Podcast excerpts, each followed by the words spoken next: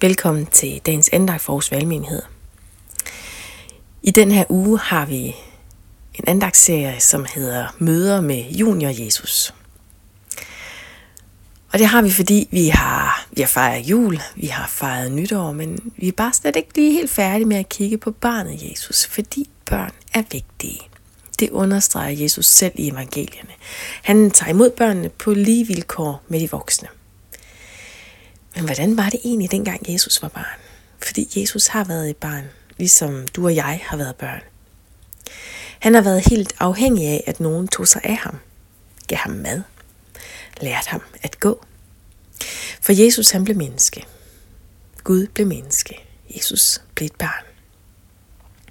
Så den her uge, der skal vi dykke ned i det faktum, at Jesus var et barn. Vi skal se, hvad der skete omkring Jesus dengang. Og vi starter i dag med at læse fra Lukas evangeliet kapitel 1, vers 39-45. Og der står sådan her. I de dage brød Maria op og skyndte sig til en by i Judæas bjergland. Hun gik ind i Zakarias' hus og hilste Elisabeth. Da Elisabeth hørte Marias hilsen, sprang barnet i hendes liv, og hun blev fyldt med helligånden og råbte med høj røst, Velsignet er du blandt kvinder og velsignet dit livs frugt. Hvordan kan det forundes mig, at min herres mor kommer til mig? For da lyden af din hilsen nåede mine ører, sprang barnet i mig af fryd. Salig er hun, som troede, for det, som er talt til hende af Herren, skal gå i opfyldelse. Amen. Der er altså virkelig børn involveret i det, vi læser her. Allerførst så har vi jo Maria, den store teenager.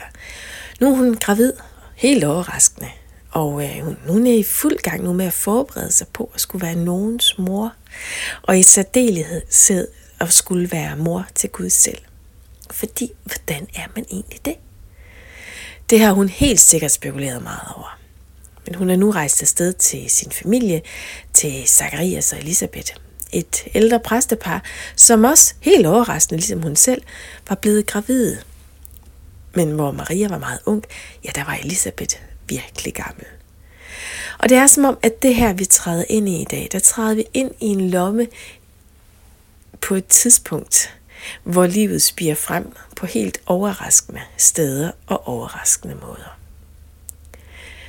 Så Maria, det var det første barn, og så har vi jo de to små børn, de to små drenge, som endnu er inde i deres mors mave. En i en livmor hos en mor, som egentlig var alt for gammel til at være mor. Og så har vi Guds eget egen søn i en livmor hos en mor, der, hvor der slet ikke havde været mand ind i billedet. De to små børn her, de ligger altså lunt og godt hos deres mor. De vokser.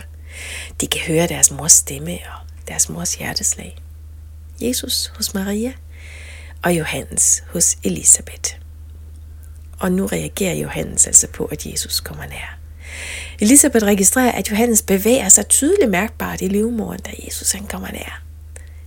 Jesus, han gør indtryk, allerede før han er født. Og Elisabeth brød ud i en lovsang, i en sådan helt spontan glædeshilsen over, at Maria var lydig og trådte ud i det kald, den udvælgelse, som blev hendes. Maria, den unge teenager, hun får titlen af at være Elisabeths herres mor. Altså mor til Guds søn. Mor til Jesus, som er himlen og himlens og jordens herre.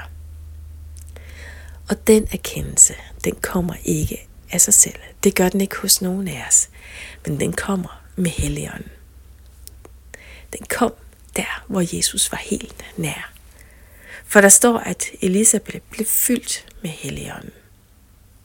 Helligånden, som åbenbarer for os, hvem Jesus er.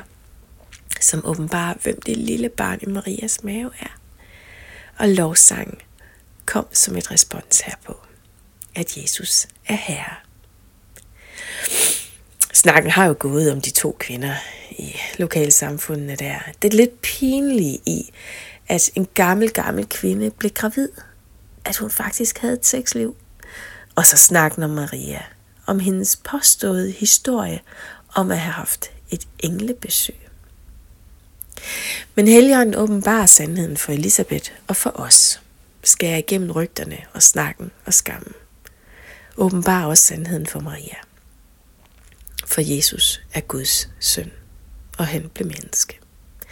Og han gjorde indtryk allerede før han overhovedet havde set dagens lys som et lille barn. Før et eneste mirakel havde fundet sted, ud over at Gud blev menneske. Før han overhovedet havde været involveret i en eneste teologisk diskussion og havde haft muligheden for at overbevise andre. For Jesus er Gud selv. Og det var han også som et lille barn i sin mors mave. For Elisabeth var troen og erkendelsen af, at Jesus er Kristus, Guds søn. Den var ikke afhængig af alle mulige ydre omstændigheder, men den var afhængig af, at Helligånden åbenbarede Jesus for hende. Englebesøget, som Maria fortalte om, det var kompliceret nok at forholde sig til, og hendes mand påstod jo også at have besøg af en engel. Men hvad var det her egentlig for noget af det hele? Hendes graviditet var jo også et helt overraskende bøndesvar, som formentlig kom 50 år senere end forventet. Det var altså som om livet pludselig boblede frem alle mulige steder.